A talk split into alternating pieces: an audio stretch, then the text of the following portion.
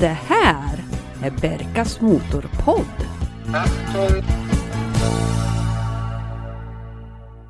Hej och välkomna till Berkas Motorpodd. Jag som pratar kallas för Berka. Och det här är ju podden för dig som gillar bilar med stort B. Och det kan vara allt ifrån ett lättare intresse till angränsande galenskap med nördfaktor i kvadrat. I det här avsnittet kommer vi att gästas bland annat av motorjournalisten Erik Lund och den tekniska projektledaren för den här bilen, Lars Hammarström, som arbetar på Volvo Cars. Vi finns på alla de här plattformarna där man kan spela poddar. Och det vet du ju redan eftersom du förmodligen lyssnar på det här nu. Och sen har vi en hemsida www.berkasmotorpodd.se Kika in där vet jag.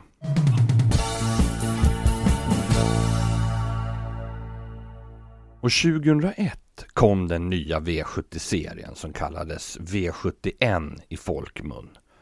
Och det var en något rundare och större kaross. Och vi som gillar Volvo väntade med spänning på om det skulle komma någon värsting. Och 2003 så presenterades äntligen Volvo V70 RAVD. Lars Hammarström berättar. Eh, vi hade vid, vid tiden så ägde ju Ford oss eh, så vi hade Fords teknisk direktör Richard Perjons. Han tyckte det var skitkul att köra här och jag var ju projektledare. Så det var ju när han var här så var han ju tvungen att ut och köra då på Hällered. Han körde som en biltjuv. Så jag kommer ihåg första gången så hade jag druckit eh, Ramlösa eller något sånt där. Och du vet, var precis, jag fick ju sitta i baksätet naturligtvis och så satt vår tekniske direktör Hans Folkesson i framsätet. Jag kommer ihåg Hans Folkesson, teknisk direktör, han satt uppkravlad, uppklistrad på, på liksom passagerarsidan så här. Och jag satt där bak och skulle vara trevlig då. Och han kör ju, och jag glömmer aldrig när han kör på Hällered 250 km i timmen. Så frågar han lite om bromsarna och jag försökte, ja de är bra. Och så gör han en tvärnit mitt på banan. Och herregud, jag tror jag skulle flyga ut genom Jag hade bälte på mig men. Oh. Så de gångerna efteråt, vi hade ångest varje gång han skulle komma och köra. Det var ju en ynnest i och för sig då, liksom att han ville köra min projekt. Men herregud. Jag har haft två stycken sådana här.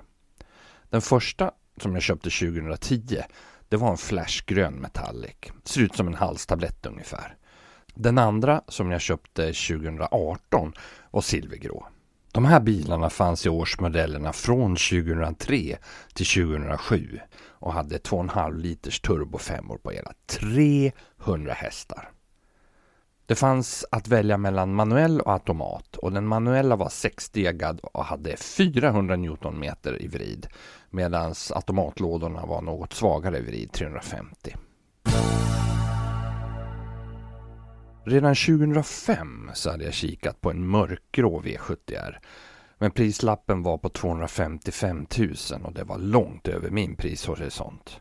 Så därför så blev det den här saffransfärgade föregångaren som jag pratade om i tidigare avsnitt. 2010 så hade de här bilarna sjunkit i pris och börjat närma sig min budget. På en bilfirma i Sundsvall fanns det en flashgrön med låga mil och få ägare som hade stått osålt en längre tid. Det lackade mot jul och handeln var mer koncentrerad till helgerna än att köpa bilar. Jag ringde och fick veta att bilen fortfarande fanns till salu med dubbade vinterhjul och original 18 tums Pegasus-fälgar till sommar. Det som stack ut och att den inte hade den konjaksbruna skinninredningen utan en väldigt sober äggskalsvit färg. Naturligtvis var den manuell och hade stora stereon med en subwoofer i bakluckan. Det fanns även en originalmonterad GSM-telefon. Priset var satt till 195 000. Men eftersom jag erbjöd en snabb affär utan inbyte så fick jag loss den för 175. Veckan efter så satte jag mig på tåget upp till Sundsvall och blev hämtad av säljaren. Och inne på firman så stod den bara där och glänste. Efter en kort provtur så gjorde vi klart affären och jag kunde sträcka ut bilen på motorvägen söderut. Stolarna i en R är ett mästerverk av sportig komfort. Eljusteringen och skålningen gjorde att man färdades som ett balsam. Körställningen var närmast perfekt Men det som irriterade mig var att startnyckeln fälldes ut som en stilett och jag slog i högerknät eftersom den stack ut ur låset utan att vara ledad. Mätarna var i en snygg blå nyans som var för modellen unik. Under huven fanns den fina turbofemman med det kraftiga laddluftröret som böjdes över motorn. Och återigen så hittar man den blåa färgen på motorkåpan. Väl hemma efter 35 mils körning så slog vägmätarställningen om till 10 000.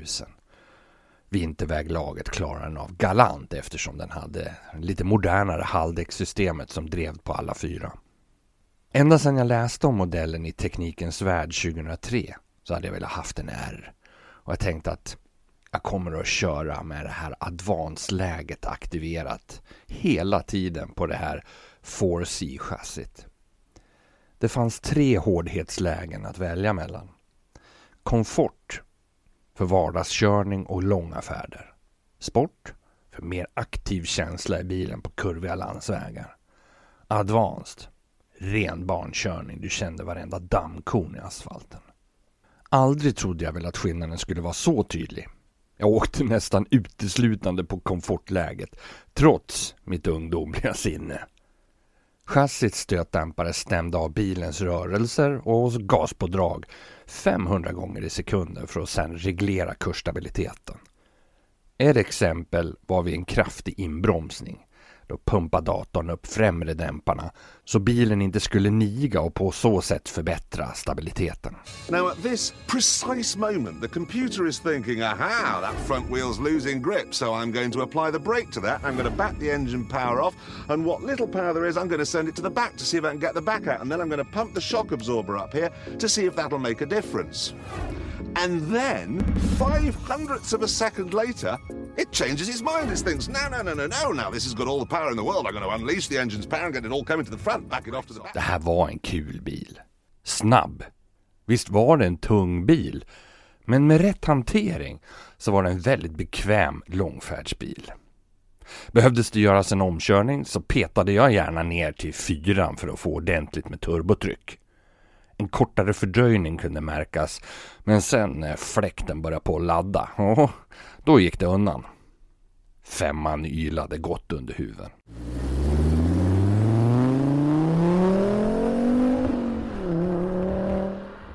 Jämfört med föregångaren som jag ju fortfarande äger, alltså min R från 98, är att den nyare är mer jämn i temperamentet.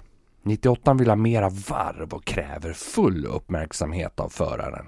Den liksom pockar med en bokstavsdiagnos medan den nyare känns mera harmonisk. Den liksom säger till dig som förare. Nu ska vi åka hela vägen till Rivieran du och jag. Du styr och trampar på gasen så ser jag till att du kommer fram utvilad och med stil. Att köra AMG, M eller S-bilar, det får någon annan syssla med. Men efter ett år så var det dags att sälja för att inte förlora allt för mycket pengar. Jag satte ut den till försäljning för 160 000. Och en äldre herre kom och tittade, men han ville inte provköra den. Kör du. Jag är säker på att du hanterar den här bättre än jag. Okej, okay, sa jag. Så vi tog en vända och jag accelererade genom växlarna för att visa att motorn drog jämnt utan hack och kopplingen inte slira. Jag visade AC och elhissarnas funktioner och gjorde några kraftiga inbromsningar för att visa att bromsarna tog jämnt och bra. Väl tillbaka igen så fick jag ett bud på 150. Det nekar jag till, men vi landade på 155 och bilen fick en ny ägare. Det var bra skick på de här båda R-bilarna. Och naturligtvis var den gröna med sina 10 000 mil klart bäst. Den hade jag inget problem med överhuvudtaget. Och den hade bara egentligen en detalj som var trasig. Och det var locket till mittkonsolen och det kunde man ju leva med. Den silvergråa hade gått runt 25 000 mil och var ändå i ett välhållet skick. Det roliga är att jag samlar på gamla bilannonser och jag hittade faktiskt en utskrift på den här när jag letade efter bilar 2010. Dock med ett helt annat pris än de 62 000 som jag nu gav. Och den hade jag hållit utkik på en längre tid på den här stora annonssidan på nätet utan att den hade blivit såld. Och jag gjorde lite bakgrundsresearch och jag hörde bland annat av mig till föregående ägare och det här är någonting som jag också kan rekommendera. För att då kan man få loss information som man annars inte skulle kunna få ifrån den nuvarande ägaren om jag säger så. Han skrev att det var den bästa bilen som han någonsin hade haft och hade det inte varit så att då familjeomständigheterna hade krävt det så hade han aldrig sålt bilen. Och det är ju alltid skönt att höra och då kände jag att ja men då kan vi gå vidare här nu. Så jag hörde av mig till bilfirman för den stod på en bilfirma uppe i Luleå, långt som bara den upp. Jodå, den fanns kvar, gott skick. Och då skickade jag min eh, kamrat som bor utanför Luleå, Per, och kika på bilen. Och när jag fick okej okay från honom, då gav jag ett bud. Och det accepterades ju naturligtvis inte utav bilförsäljaren. Så det vart armbrytning om några tusen lappar hit och dit innan vi hittade en summa som vi båda var nöjda med. Jag bokade flyg och jag och sambon Janet satt oss på en SAS-kärra upp till Luleå. Och på flygplatsen så hämtades vi av säljaren och så körde vi till eh, bilhallen och där stod den. Gjorde klart alla papper, skrev under och ställde in GPSen på närmaste Q8-mack. Jag tankar upp bilen och så går jag in och ska betala. Sambon går också in och köper en påse bilar och några läskeblask. Jag går på toaletten och sen kommer jag fram till disken då där sambon står och så sa jag, jag tar och bet jag betalar allt. Slänger fram kortet, tänker inte så mycket mer på det, slår in koden, vi går ut i bilen, sätter oss och så knappar vi in på GPSen hur vi ska ta oss hem de här 88 milerna. Och så drar vi järnet söderöver. När vi är strax norr om Skellefteå så ringer telefonen. Då är det bilförsäljaren. Du, eh, har ni varit och tankat? Ja, så jag. Vi var och tankade upp bilen här innan vi, vi lämnade Luleå, så jag. Ja, nej, för att de ringde macken här nu och mm, de har tittat på övervakningsfilmerna här och ni har inte betalt bensinen. Eh, jo, alltså jag har ju jag letar fram kvittot och mycket riktigt ingen bensin fanns där. Fast jag hade stått vid disken och sa att jag vill betala alltihopa. Men vi hade ju missat alltihopa där, både jag och kassörskan. Så att vi hade ju sopat därifrån som värsta Clark Olofsson. De gnäller att det försvann in helvete pengar. Utan att betala bensinnotan. Så att eh, jag fick ringa upp eh, Q8-macken och be om ursäkt. Men det där löste vi på ett bra sätt när vi kom hem sen. Så det var no hard feelings. Ungefär vid Härnösand så kände jag att eh, jag behövde vila lite grann. Så att jag lämnade över styrningen till Janet. Sen somnade jag och vaknade någonstans på motorvägen som går igenom Sundsvall. Och med ett halvt öga så fick jag syn på hastighetsmätarnålen. Den var oroväckande mycket pekande åt mitt håll. Tydligen så var det så att Janet hade hittat alla de här 300 hästarna för att det gick eh, både 140 och kanske lite plus moms. Det här var ju inte tanken att det skulle bli någon bil att behålla utan det här var ett rent spekulationsobjekt. Jag trodde att jag skulle få lite mer för den här nere i våran region än uppe i Luleå-trakten.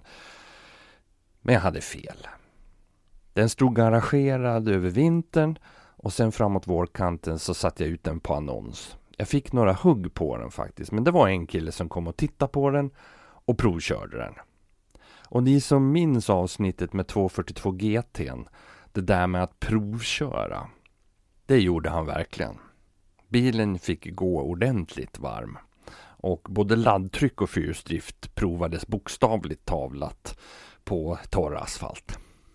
Jag kan förstå att eh, bilar blir utslitna i förtid om man har den här körstilen. När vi sen hade gjort klart affären efter att ha haft lite prisförhandlingar så såg min far den här bilen uppe på den lokala macken och han trodde ju naturligtvis att det var jag men eh, när han fick syn på hur bilen hanterades och hur den, eh, ska vi säga, accelererade så förstod han att det var någon annan som körde. Jag tänker inte säga något mer om det.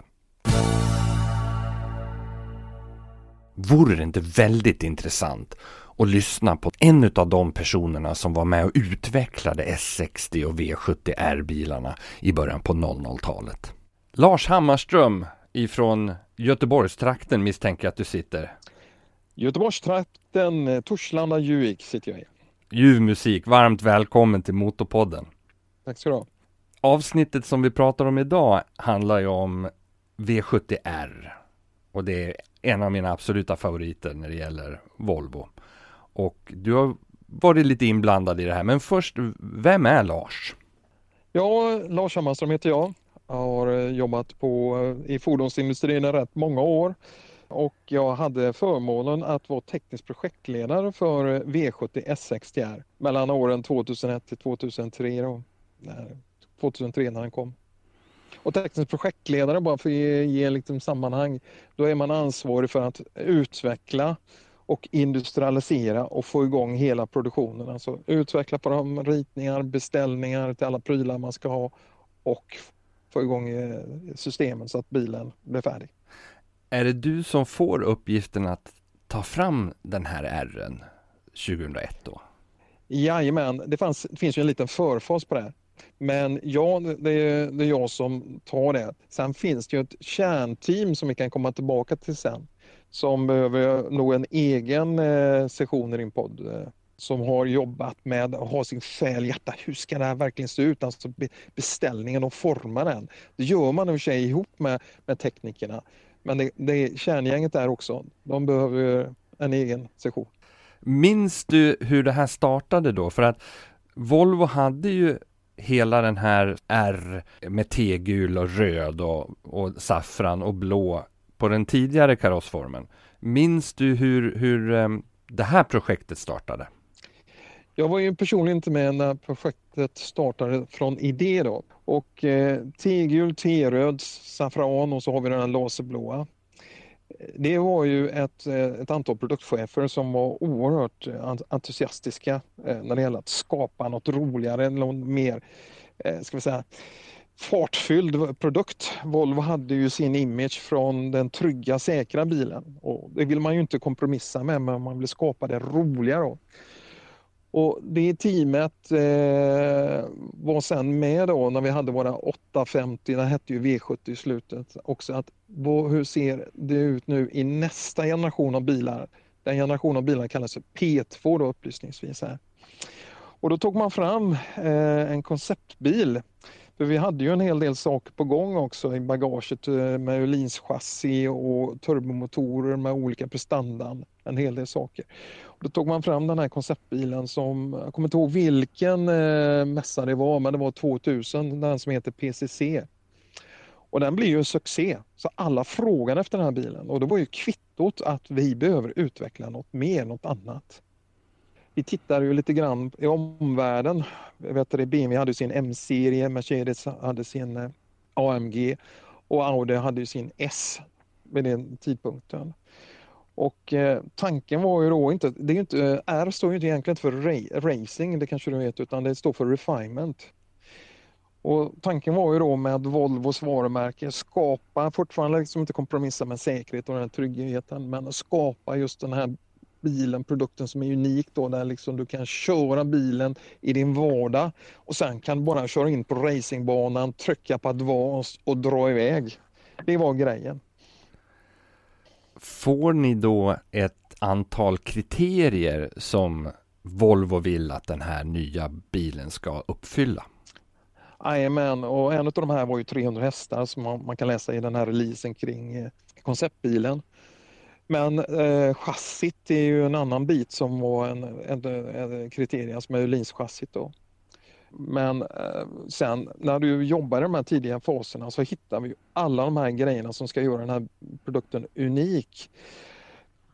Och det, och det är ju egentligen, om man tittar här, om jag bara går rakt in på det då, så, så, är det ju så att fronten är ju eh, unik på R. Både S60 och V70R har en front som skiljer sig från de andra bilarna. Eh, även lite bakpartiet, det är ju dubbla rör i bakpartiet. Och du har ju din vinge i bakpartiet. Så exteriört då så var det meningen, alltså det ska skilja sig, man ska kunna se att det här är en R och så, och så har vi då Pegasusfälgarna självklart.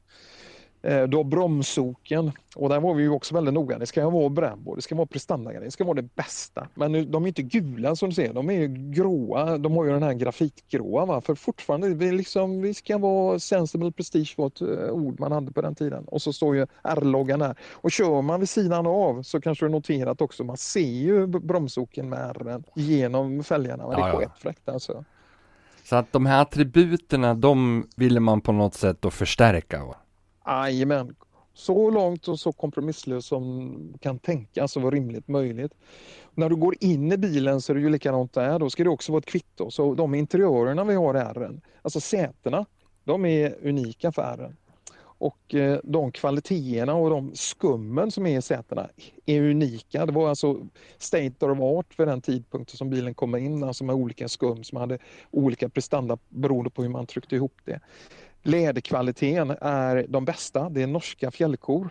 Och så har vi ju eh, då skärningarna som, som kommer där. Så att det är unikt. Visiret ovanför kombiinstrumentet är läderklätt. Eh, Watchstyle-instrumenten, sketfräckt på den tiden. Jag tycker fortfarande de är sketfräcka Ja, ja. faktiskt. Eh, du läderklädda hand, dörrhandtag. En sak som man kanske inte tänker på det är att mattkvaliteten är unik. Det var liksom den bästa mattkvaliteten vi kunde få fram. Eh, Så bilen hade allt. enda som inte fick med, vet du vad det är? Jo, det är att pedalerna skulle vi ha, du vet det här mönstret, eh, de här tre korvarna eller på att säga, vet du.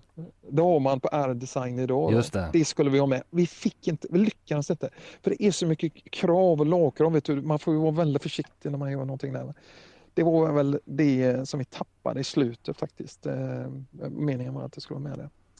För det här ställbara chassit då, det var ju oerhört avancerat. Vi har alltså tre stycken olika inställningsmöjligheter på hårdheten på chassit.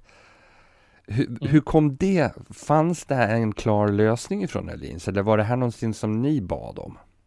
Nej, det fanns en eh, lösning vi hade tagit fram tillsammans.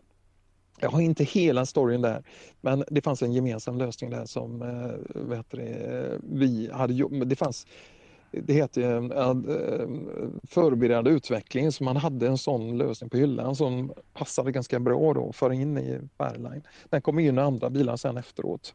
Inte riktigt så spacad, men eh, den kom in i eh, bilar senare. Och du vet, advansläget är lite roligt också för att vi skulle ha gott ljud också. Och, eh, och vi, vi, vi fick ganska gott ljud i bilen. Du vet, man måste ju ha lagkrav. Men vi satte bilen under eh, Modena-direktivet. Eh, Modena är ett undantag som Ferrari förhandlade fram när det gäller exteriörljud. Eh, på det för att vi kunde då hävda då att det här är ju en prestandabil. Då. Så manuella prestandabilar kunde gå in på Modena-direktivet och så kunde vi ha det goa ljudet. Och det goa ljudet blir lite bättre, i alla fall i de tidigare eh, modellerna. När man trycker på advanced så ändrar vi tändläget lite grann för att få lite goare ljud. Hör man riktigt noga så, så eh, kan man notera det faktiskt. Minns du Så- första gången du fick sätta dig i den här och köra den? Jajamän, jag hade en prototypbil då, som hette Ferdinand. Som eh, var en ombyggd gr- grund S60 då. Svart. Jag kommer ihåg jag körde den hem också till familjen när jag var ute och körde lite grann. Det var ju alltså första gången jag körde den och då hade den ju rätt god prestanda faktiskt. Jag kommer ihåg att eh, jag blev lite rädd för mig själv eh, någon gång när jag och körde den. Man, det var lätt att köra lite fort om man säger så. Så det var Eh. alltså en, en, eh, en förtäckt R i en, eh, en vanlig S60-kostym då, då alltså? Ja, ja, jajamän. Sen kom ju våra provbilar strax efteråt där. Riktiga provbilar som jag hade byggt i fabrik då. Och de eh, körde vi ju runt eh, eh ganska mycket. Det är ganska omfattande provning då. Så vi körde ju eh, expeditioner nere i Frankrike i eh, eh vad heter det? Saint, ja, vi Cannes och Antibes. Där, där körde vi våra första expeditioner i bergen där. Och det var ju en känsla faktiskt att köra bilarna och då hade de ju eh, eh, BH kallas det egentligen. Liksom fronten var täckt då med en BH då för att man inte skulle känna igen den. Eh, och det- var en eh, härlig känsla att köra på vägarna där vet du. i Antibes. Då kunde vi inte köra så fort men eh, vi kunde köra dynamiskt om man säger så. Minns du någon detalj som du kände, nej, det här måste vi ändra på innan vi liksom trycker ut bilen? Ja, det, det var ett antal saker. Eh, men de var mer utav, ska vi säga, teknisk karaktär. Då.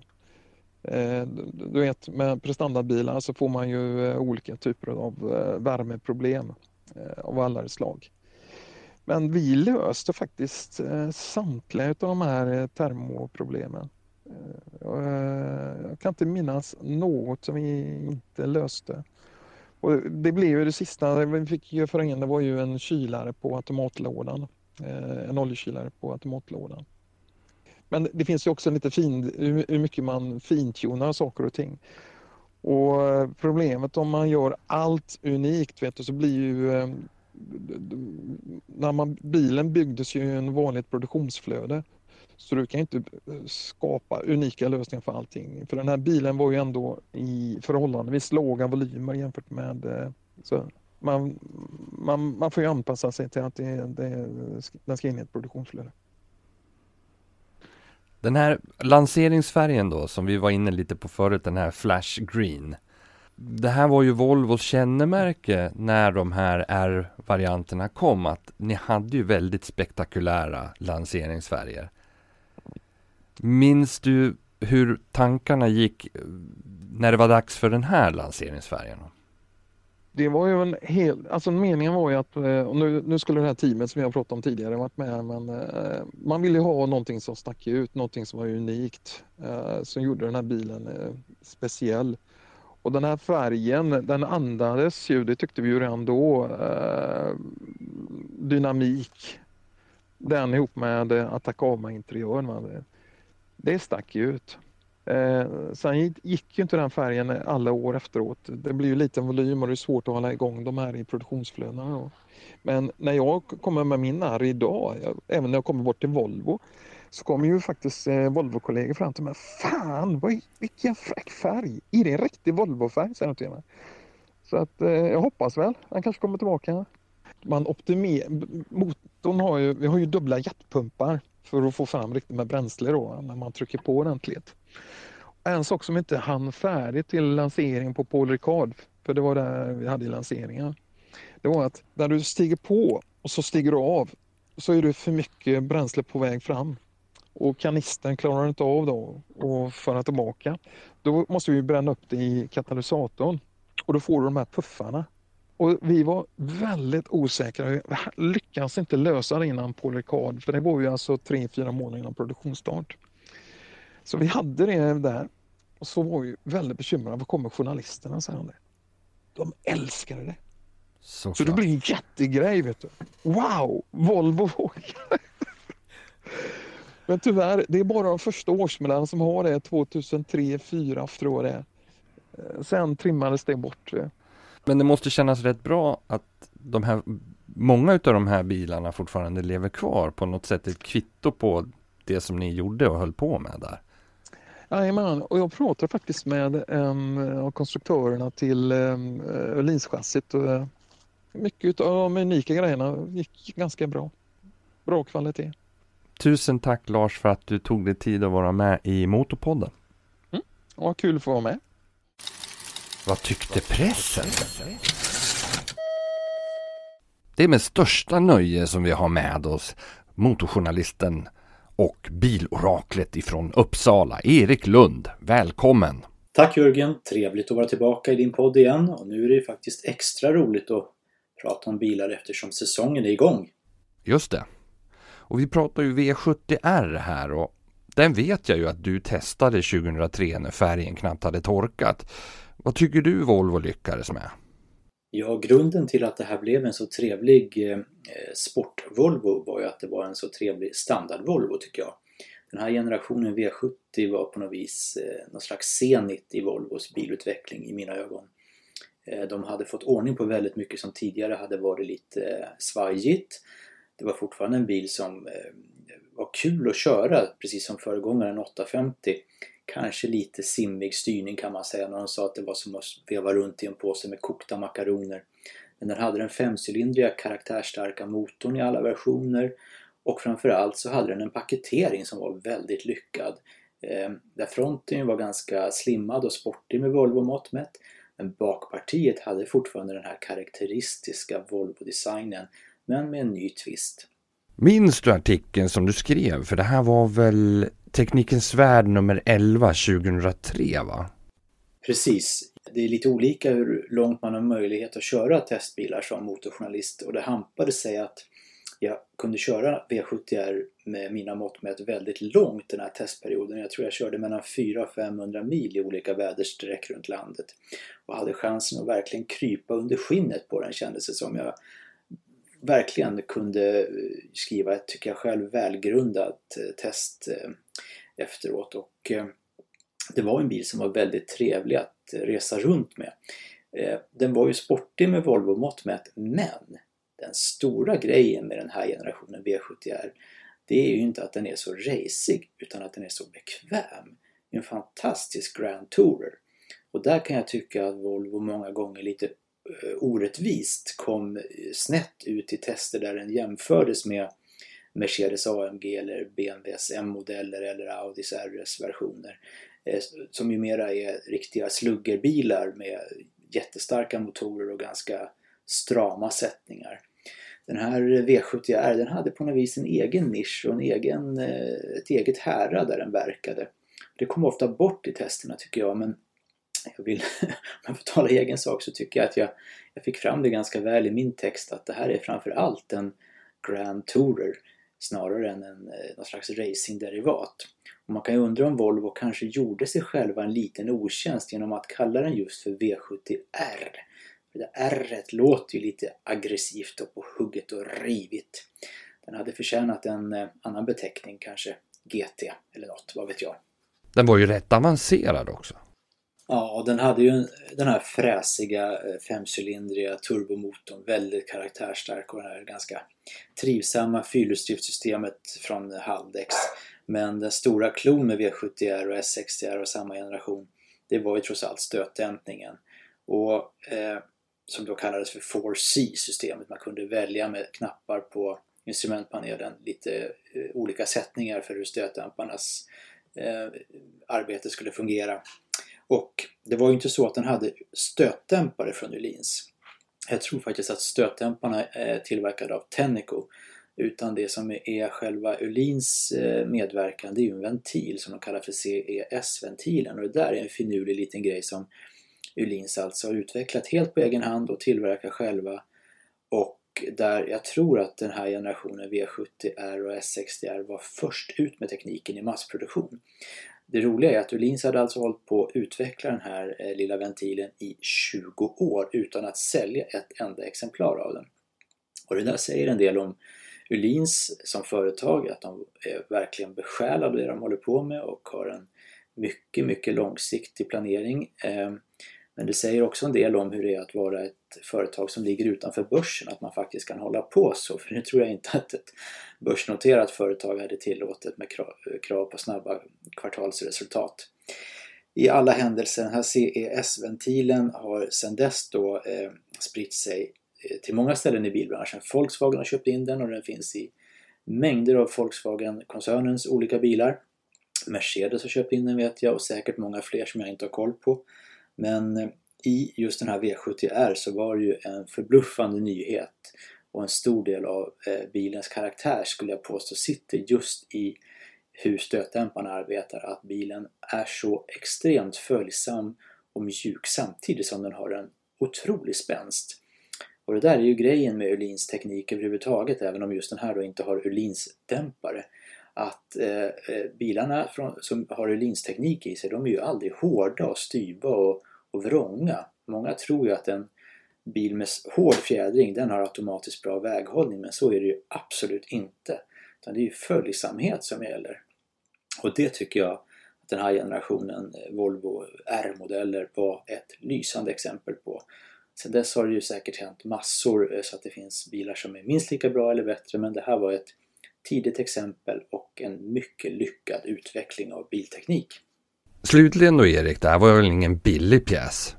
Visst var den dyr på sin tid. Den kostade 508 900 kronor i grundutförande och då hade den visserligen eh, ganska hög standardutrustning eller väldigt hög standardutrustning men det gick ju ändå att köpa till den här till exempel den här läckra bruna läderklädseln. Den kostade 18 900 till så att det rasslade iväg och den var ju då eh, upp och konkurrerade prismässigt med en del eh, riktiga noblesser i bilvärlden men jag tycker inte Volvo behövde skämmas. Eh, det här var ju ingen bondtrimmad Volvo utan det var ju faktiskt ett seriöst bygge på många sätt även om den då kanske inte räckte fullt till mot de vassaste tyska konkurrenterna. Men de var å andra sidan faktiskt ännu dyrare.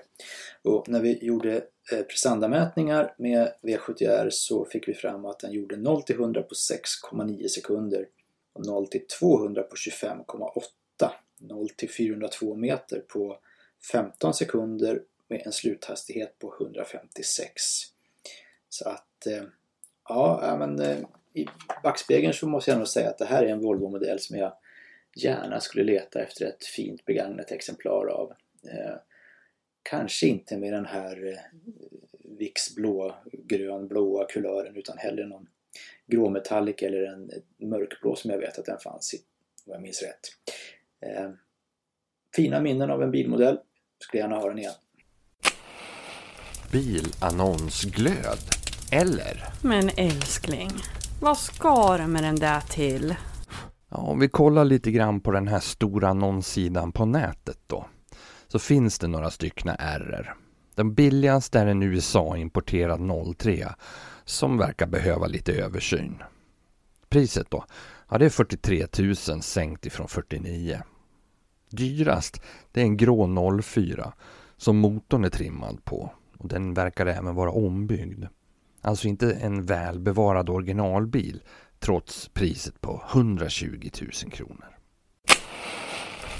Då är det dags att runda av det här avsnittet som ju har handlat om Volvo V70R. Vi finns på Facebook, gå in, kommentera, gilla och dela. Det tycker jag är jätteskoj. Och jag vill även passa på att tacka Erik Lund och Lars Hammarström på Volvo för att ni tog er tiden och snacka lite grann här i Motorpodden. Så hörs vi igen om två veckor. Tills dess, kör så ni trivs!